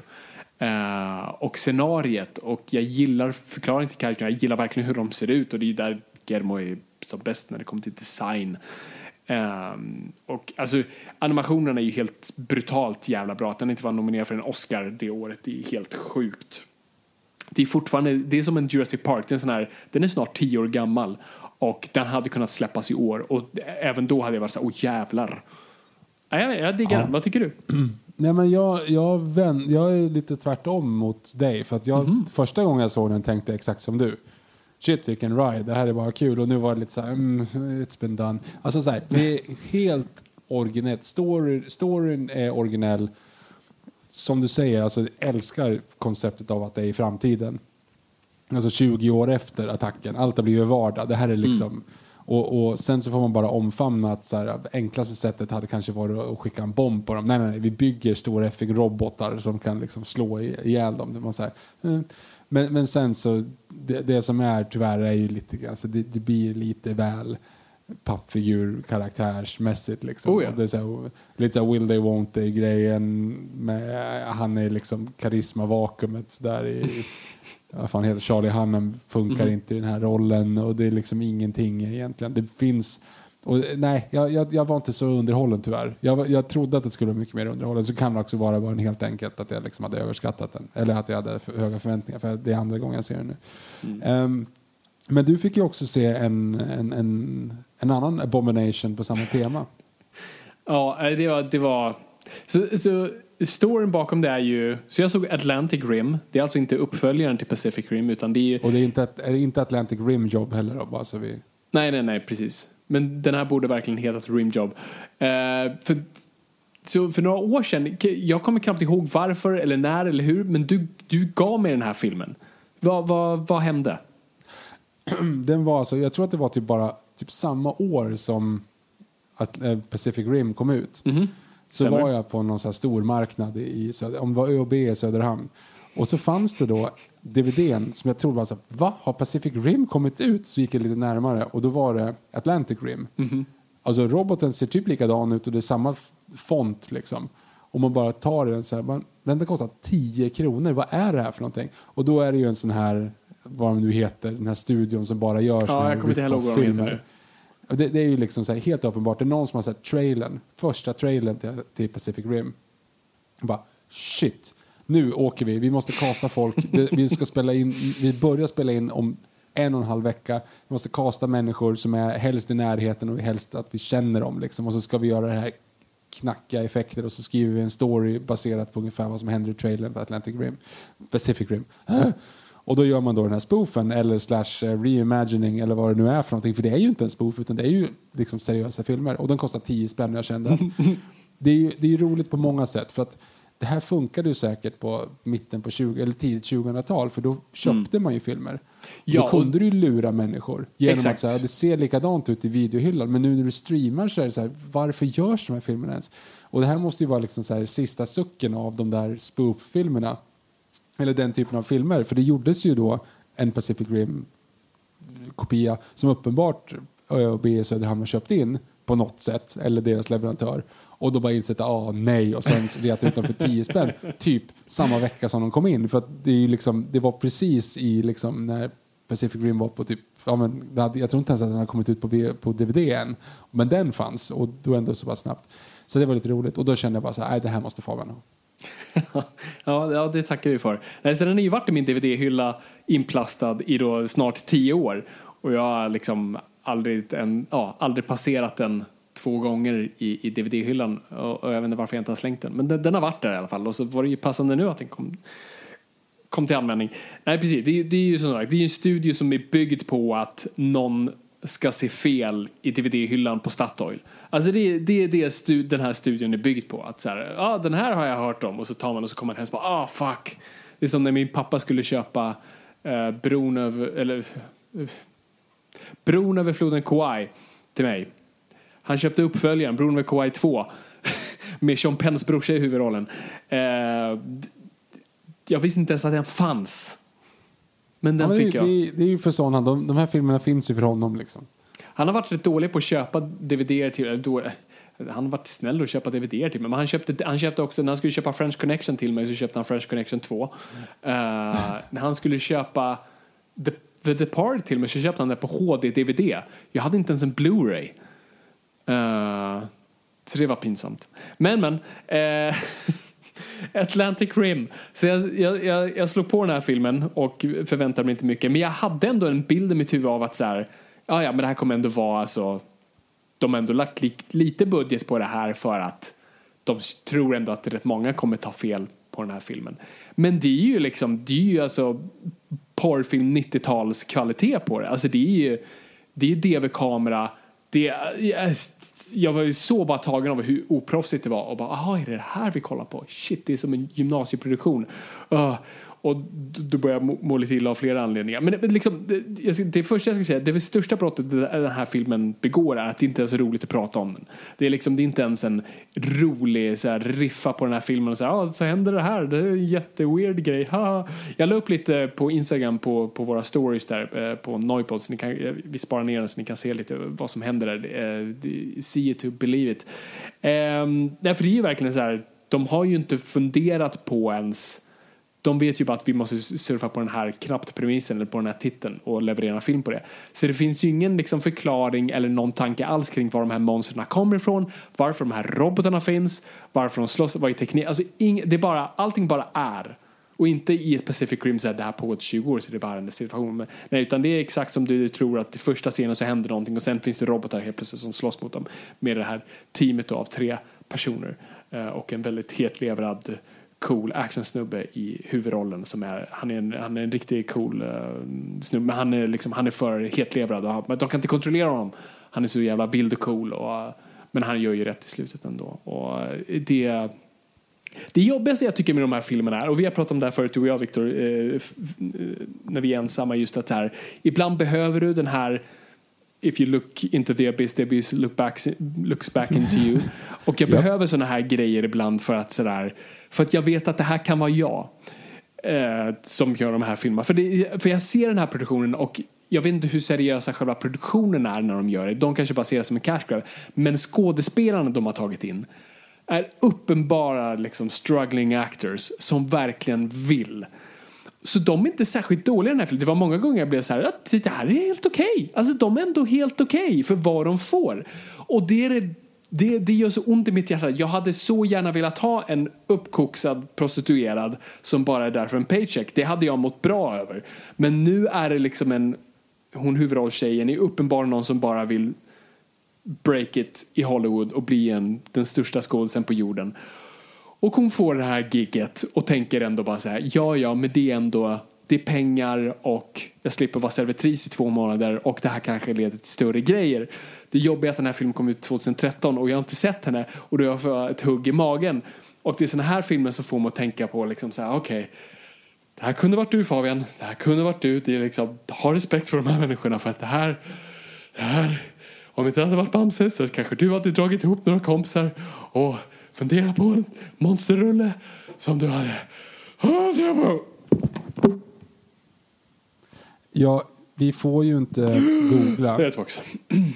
Vi får ju inte googla den här podden. Nej. Men eh, någonstans så, så känner jag ändå att ja, fast det är okej att gå in på IMDB. För att vi pratar Det är ju inte att det här. googla, det är att IMDB. Mm. Hon Vi ser ner på det Jack- också. Men...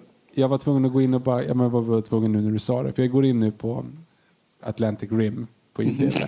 Och hon heter Jackie Moore, hon som är huvudpersonen. Ja. Och hon har spelat i filmer, alltså så här, efter här som heter, filmer som heter Sex School, Åh nej. eh, Mac Daddy and the Lovers, The Opposite Sex. Eh, ja, massa olika som, som inte ser ut att vara speciellt after school special och på omslaget så är det någon flicka i skoluniform som liksom visar ganska mycket hud. Alltså du vet det känns lite så här. Sen bara så scrollar man upp bara Westworld. Jaha. Okej. Så hon har tre, tre credits i Westworld. Ja, Har du spelat någon robot då?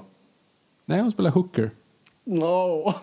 Ja, då antar att det Ja, är men- en robot. Alltså, det är väl lite samma sak i den nej, men, serien. alltså, så här, nej, men det, är en, det är en sån grej. Och den andra, för däremot så är det ju eh, Graham Greene, eh, han är ju med i Dances with Wolves och The Green Mile förvisso. Ja, han är deras enda star. Eh, så Mm. att, honom har de ju. Och där är jag lite mer okej, för han är lite äldre nu och jag tycker om honom. Och nu är det så här, ah, ja, men det, uppenbart har, är det här de har lagt sin budget. Det är ju inte på specialeffekterna eller de andra skådespelarna, utan det är på honom. Så jag är ändå lite så här, ah, ja, han är på väg ut. Det är bra att han cashar, cashar in och cashar ut. Han, eh, huvudpersonen som heter Red, han Mm. var med i Baywatch i några avsnitt. Ja, inte och förvånad. annars verkar det inte vara jättemycket filmer som jag känner igen överhuvudtaget. Så, nej, men titta inte. Alltså, ni kan kolla lite grann på, på Youtube på, på scener från Atlantic Rim, men, men titta inte på skiten. Snälla. Nej, det, det är inte Eh, ens eh, roligt hur dåligt det är. Och det är En väl liksom jul, julgransbelysning och... ah. det är En ångest. spaning dock. En Mhm. spaning dock är att två av våra kära lyssnare kommenterade på, eh, på det inlägg och trodde att det var sångaren i Smash Mouth som blir eh, jagad där på stranden. Och det är kul att ändå två personer idag har en referens till hur sångaren i Smash Mouth såg ut, eller ser ut. Det är jätteroligt. Det är roligt. Det är fantastiskt. Eh, Jag tror ni kan, om ni ser på Youtube, säkert söker Atlantic Rim och det finns något som ser ut att utspela sig på en strand, klicka där. Ni kommer veta exakt vad vi pratar om när ni ser det. Smash Mouth är ju för övrigt också en intressant sång. De, de gjorde väl bara egentligen en låt som man kommer till och det är en Somebody want to me the Just world is... Du vet en Rockstar som man blandar ihop med eh, Nickelbacks Rockstar och eh, Punk Rocker. Du vet den. Mm. I wish I was a punk rocker with flowers in my head. De kom typ samtidigt ish. Men så att man blandar ihop dem lite grann. Att det alla handlar om att man vill vara rock. Jag blandar ihop den också med. Dancing in the Moonlight. Jag vet inte varför. Jag tror Oj, också lite nej, samma... Den förstår, får jag inte riktigt ihop. Men, men jag period. tror att det handlar om, om eh, att den är ett soundtrack till filmer. Som, oh, det här är, en- det här är en intressant spaning. Alltså Mhm. menar du Dancing in the Moonlight som eh, Everybody's Ja, exakt. Yes. dancing? Okej, okej. Otroligt eh, ointressant spaning här nu. Mhm. Eh, sommaren 2001 så, Right. hade, så var du väldigt mycket uppe i Söderhamn med mig. Ja. Och eh, det var två filmer som eh, roterade under den sommaren väldigt, väldigt, väldigt hårt. Och när man hade filmer då på VHS under den perioden, man var 10, 11, 12 och det var rätt mycket folk i vår ålder liksom, så var alltid filmen igång. Den var, den var liksom på konstant och liksom Ja. typ spolades tillbaka och körde på. Kommer du ihåg vilka två filmer det är? Jag vet en av dem. Jag kan Mm. nog inte lista ut den här. En, en i Rat Race. Nej, Är det är inte den? Nej, det stämmer inte. Det var en sommar i alla fall. Rat Race Ja, gick på Rat Race kom, men Rat Race, ja exakt, men det är faktiskt inte, det är, jag tror det är sommaren efter. För det, men det här är jätteointressant poddmaterial. Men det, och säger så här, det är Shrek och det är eh, Eva och Adam, fyra bröllop, fyra, äh, fyra, vad- är det fyra bröllop och ett fiasko? Eller fyra födelsedagar och ett fiasko. Just Eva och det. Adam, filmen efter tv-serien. Ehm, och Shrek har ju introscenen är ju Smash Mouth All-Star. Ja. Eller Rockstar, Allstar heter det, inte Rockstar. Skitsamma, Allstar. Och sen är ju i upplösningsscenen, eller vad man säger, när eh, eh, Rosie Munter där blir kastad i Just poolen av ja. Alex. Eftersom hon har ju varit tillsammans med Adam. Och så, när så, så säger hon så här, Adam, eller för Eva går därifrån festen och så säger hon så här, Adam, gå till henne. För att han är på väg därifrån och hon vill typ säga, kom jag vill dansa. Nej, du vill inte dansa. Så här, Nej, men jo, kom igen, vi ska dansa. Bara, Nej, jag vill inte. Och så gör hon en blick och så här, bara, okej okay, Adam, gå till henne. Och han vänder om och han springer i kapp Eva. Och så säger han bara så här, han, han, så här det, det är väldigt snyggt för det är en nedförsbacke i, i där och det, solen går ner och det är väldigt vackert. Och då spelas i alla fall eh, eh Dancing in the Moonlight i bakgrunden där. Eh, och så kommer de ner och så, så säger då Eva Nej vänta, vänta. Jo, hon säger att, eh, så här, oh, jag har varit en idiot. Eller just det, de pratar om att i sig själv i andra person, eller tredje person. Och det är det som är kul. För de säger så här, ja, jag vet en som har varit en idiot. Ja. Men en annan kanske också varit en idiot. Ja. Skulle du kunna tänka dig att vara ihop med en idiot? Ja. Skulle du? Ja. Och så kramas de och så går de i solnedgången. Och man tycker att det är så här, ja, fuck, det var, det var coolt. Det var fint, fint Jag är varm i serien. hjärtat just nu. Jag blir Ja. så glad. Exakt, och då spelar sig i alla fall den, den låten. Ah, Så det är inte helt omöjligt att du har sett den scenen och sen har vi bara liksom Varvat tryckt ut videobandet, satt in nästa Shrek och, då, och så har jag hört Smash Mouth. Smash Mouth. Det är inte, Kan vara det- därför. Ja, nej, fan, det är, inte, det är inte helt konstigt. Alltså på riktigt, jag blev jätteglad när du berättade om det slutet. För det fick jag så här, jag tror på kärleken nu. Ja. Jag, liksom, Men det är det sista man ser av dem ju. Alltså, det blev ju ingenting mer efter det. jag pitchar nu, Viktor, vi borde gå till SF eller Netflix bara, vi, vi surfar på soft reboot-trenden. Att, Men är det meningen att du ska reboota då eller ska de vara medelålders och frånskilda Ja, och det är det. Det är det, som är, det, är det som är soft reboot. Alltså Star Wars fast senare. Du har legacy-karaktären och- men du följer också ett, ett ungt, du följer deras barn som blir, nej de kan inte bli ihop, det är incest. Eh, stryk det. Eh, men, men, men jag vill följa de här två igen. Jag vill se när de är medelålders. Men du skulle ju kunna ha du skulle ju kunna ha annars, alltså så här, för, för Jonte, karaktären Jonte, han får ju lite redeeming i den där. Och sen så Mm. har du ju, i och med att hans farsa vet, kommer in där på festen när de sjunger Allting kan gå i tu men eh, mitt hjärta kan ju gå i tusen bitar. Och hon råkar säga att hon ska vara lesbisk inför hela skolan. För, eh, Jerka, vad heter han då? Han heter typ, han som har också gjort alla utom vi på Discovery Plus nu med Alba August och Björn Gustafsson som för övrigt är väldigt sevärd. Till och med inte bara sevärd, den är bra ska jag säga. Han heter väl Erik Johansson eller något sånt där. Han heter ju något vanligt. Frågan Han i alla fall, han spelar ju eh, Tobbe då, det är hans livsroll. Eh, och han hånglar ju med hon Kerstin från Barna i Bullerbyn. Konstigt av den rollen, hon var typ tre när hon spelade in den, men det var ju faktiskt... Inte när hon spelade Eva Kerstin. Adam alltså, utan Nej, hon var tre när hon, när hon spelade in i, eh, i Barna i Bullerbyn. Som för övrigt är ju, jag kommer ihåg att jag tyckte att vilken tyckte du var, alltså, visst hade man alltid någon som var den, den snygga i Barna Bullerbyn? Jag får jag för mig att det var Britta, att det var det som den, men det är ju Annas, nej, jo, är det Anna, ja skitsamma, Anna Salén, alltså Söderhamns stolthet, Anna Salén näst efter Peter Hansson spelar ju i den, men det var inte hon som jag menar. Skitsamma, de i alla fall sitter ju och typ och hånglar uppe i kontrollrummet och då råkar de komma åt ett ljud, en, ett ljudspår. Så att Ellen Fjärrstad, Fjär, fjär, Färjestad, Fär- Fjärstad, någonting vad hon säger. Hon säger då i alla fall liksom för Rose Munterbilly då att han ska säga, men är det okej okay att jag och Adam dejtar? Så här, ja, jag skiter i Adam och det, och det någonting. Han är så jävla barnslig ändå. Jag ska bli lesbisk. Då, och då så råkar de då eh, ha sagt det. Och då så står hela skolan upp och, och applåderar. Och det är det som är hela poängen då i, i själva storyn. Att då, då är de ju väldigt osams. Och, och eh, Carl Robert Hamrell som han heter, Homrell, som då eh, spelar Adam blir väldigt sur. Så att då, då blir de osams och då är det jättejobbigt. Och sen så är det då den här, är det då eh, Annika, just det, bro, eh, det är ju det som är hela poängen. För eh, Evas bästa kompis Annikas mamma har ju träffat en ny snubbe. Och nya snubbens dotter är ju då Rosie Munter då, som är liksom eh, ny, hennes låtsassyrra. Och låtsassyrran blir tillsammans med Adam och det är därför de står och sjunger. För de ska ju sjunga på Annikas mammas eh, födelsedag. Det är en av de fyra födelsedagarna, ett fiasko då såklart.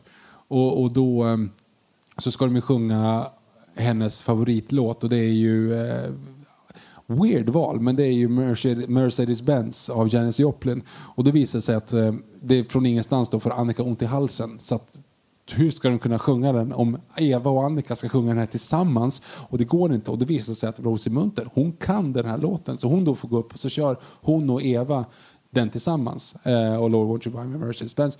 Eh, för, för övrigt en av de första liksom så här, reaktionerna till den låten. Att jag hade aldrig liksom riktigt tänkt på att jag tyckte att den var bra. Och så visade det sig att jag tyckte den var bra. Kul att den kom via Eva Adam-versionen. Sen i alla fall då så är det ju en, en poäng i att eh, det är en av de sämsta eh, påhitta namnen på ett, ett fiktionellt företag. eh, hon ska jobba med typ så här siffror. Och företaget ska då heta Interkalkyl. Det låter väldigt påhittat. det är ingen som, som skulle döpa det till det. Men det finns väldigt många bra scener i den filmen förut. Jag jag för mig att det var en, en sån. Jag kommer komma till en poäng här snart. Men, men kom ihåg Shebang. Eh, för att full circle, där jag ska bara lägga ifrån några till spaningar här kring den här filmen. Den, är, det- är ju, ehm, hon, sjung, hon sjunger I will always love you. Om du kommer ihåg den.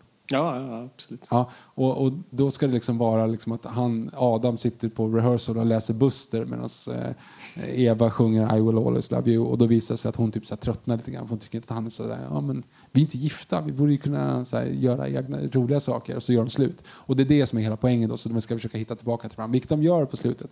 Men han är ute och flörtar däremellan. Hur som helst. Eh, jo, Shebang. Det var lite grann samma sak som vi sen kommer att komma in på Smash Mouth igen snart.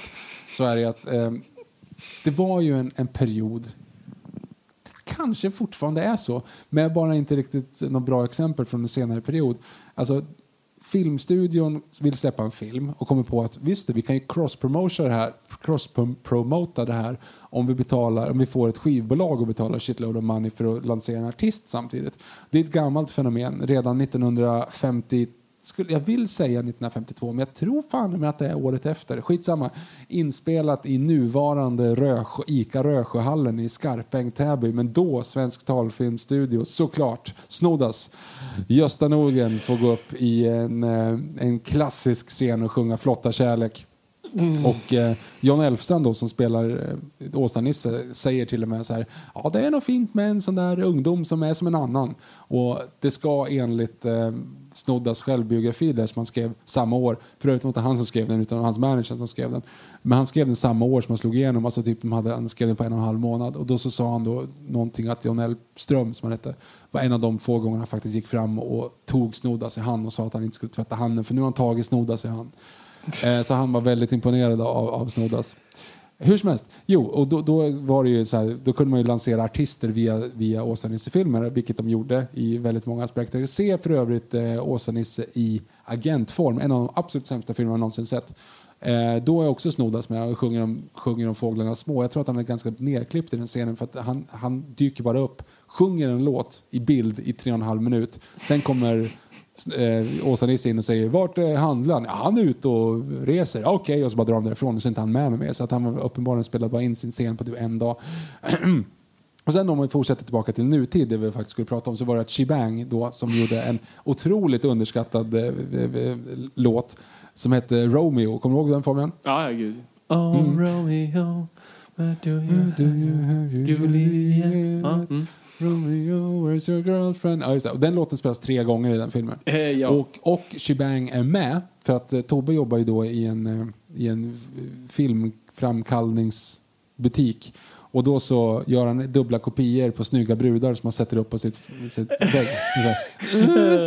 och då är det ju så veckans...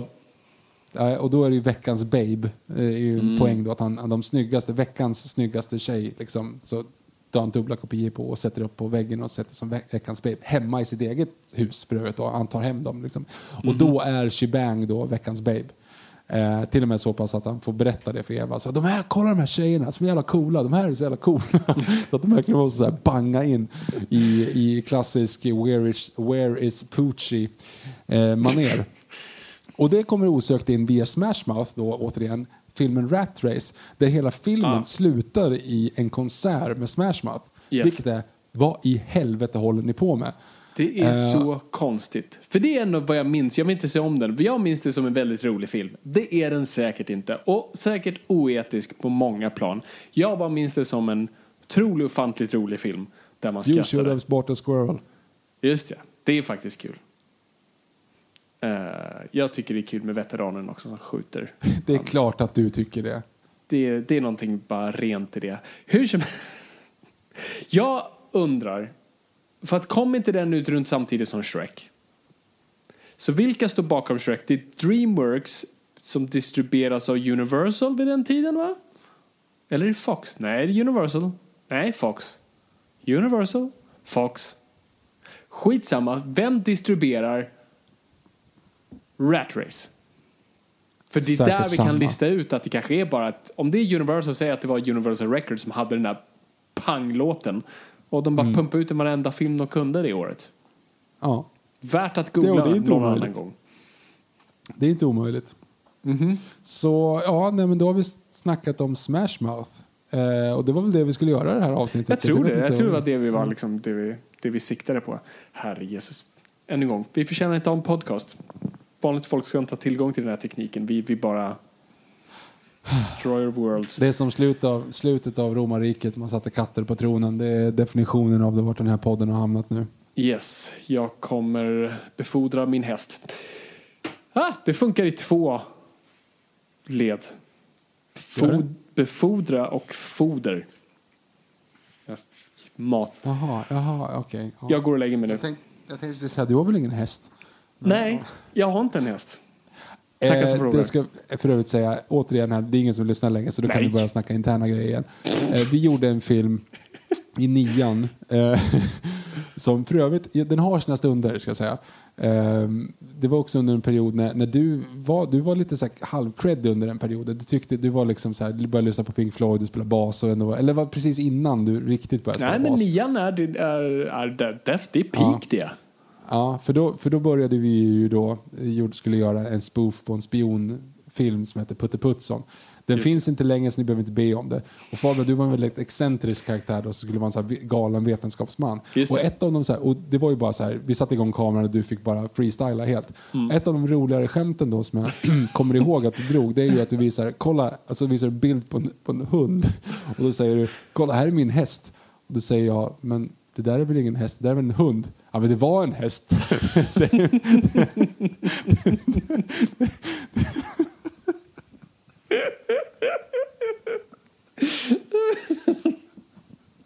Och den är ju helt, helt ädlibbad så att säga i scenen. För det var ju bara så här, Fabian gå omkring och var knäpp. Och det var det enda du gjorde, bara och liksom freebasade på allt du såg.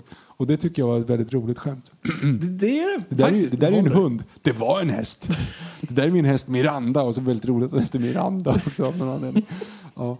Det är inte roligt för någon annan. Nej, nej, nej gud nej. Det, det här är så internt och, nej, och det här är jag. Jag ber så hemskt mycket om ursäkt. Vi kommer eh, rättfärdiga oss själva eh, nästa avsnitt. Så Jag kastar ut det redan nu innan ni ger upp hoppet Eh, på att vi bara remakar oss själva nu och gått full George Lucas eh, och nu har vi även gått full George Lucas efter Star Wars där han bara gör sina privata filmer i sin källare som ingen ska se. Liksom vi gör poddar. Ehm, nästa avsnitt kommer handla om Citizen Kane för det är jubileumsår. Så eh, det är alltså 80, 80, är det 80 eller 90? 80, 80-årsjubileum. Eh, så att eh, det kommer vi gå igenom. Så vi kommer prata Citizen Kane, tror vi kommer prata om Mank. Det lär leda oss till Paddington 2. Och eh, det kommer bli bra. Det, det är ju som att säga liksom att Citizen Kane är ju så pass bra så att det har ett eget uttryck. Man skulle liksom kunna säga att det är liksom filmernas flotta kärlek. Man kan säga det. Orson Men- Welles är liksom, det är regissörernas snoddas. Alltså det är, det är stort liksom. Någon har sagt det definitivt. Alldeles nyss. Det stämmer. Jag tycker vi stänger ner det här innan. Ni vet vart ni kan hitta oss. Vi finns på @noipod och eh, ja, det är väl där vi finns. Kolla, gå in på Instagram och följ oss gärna. Det vore kul. Det Kom vore igen, det kul. blir kul. Det, det, det kommer bli jättebra. Herre Jesus Viktor. Okej, vi, kommer, vi kommer skärpa oss. Nästa avsnitt kommer bli en jävla blockbuster, smäll i käften. Fan vad bra det här är. Det är vad det kommer bli. Okej, Det, det låter bra. vi bommar igen där. Det gör vi. Tack så jättemycket för att ni har lyssnat. Det är kul att vara lyssnad. Men kom ihåg gott folk, ingenting är för nördigt.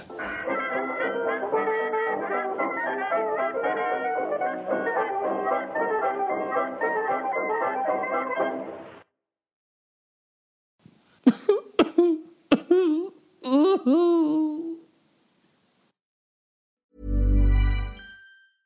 Mom deserves the best, and there's no better place to shop for Mother's Day than Whole Foods Market. They're your destination for unbeatable savings, from premium gifts to show-stopping flowers and irresistible desserts. Start by saving 33% with Prime on all body care and candles. Then get a 15-stem bunch of tulips for just $9.99 each with Prime. Round out Mom's menu with festive rosé, irresistible berry chantilly cake, and more special treats. Come celebrate Mother's Day at Whole Foods Market. Imagine the softest sheets you've ever felt. Now imagine them getting even softer over time. That's what you'll feel with Bowl and Branch's organic cotton sheets. In a recent customer survey, 96% replied that Bowl and Branch sheets get softer with every wash. Start getting your best night's sleep in these sheets that get softer and softer for years to come. Try their sheets with a 30-night guarantee. Plus, get 15% off your first order at bowlandbranch.com. Code BUTTERY. Exclusions apply. See site for details.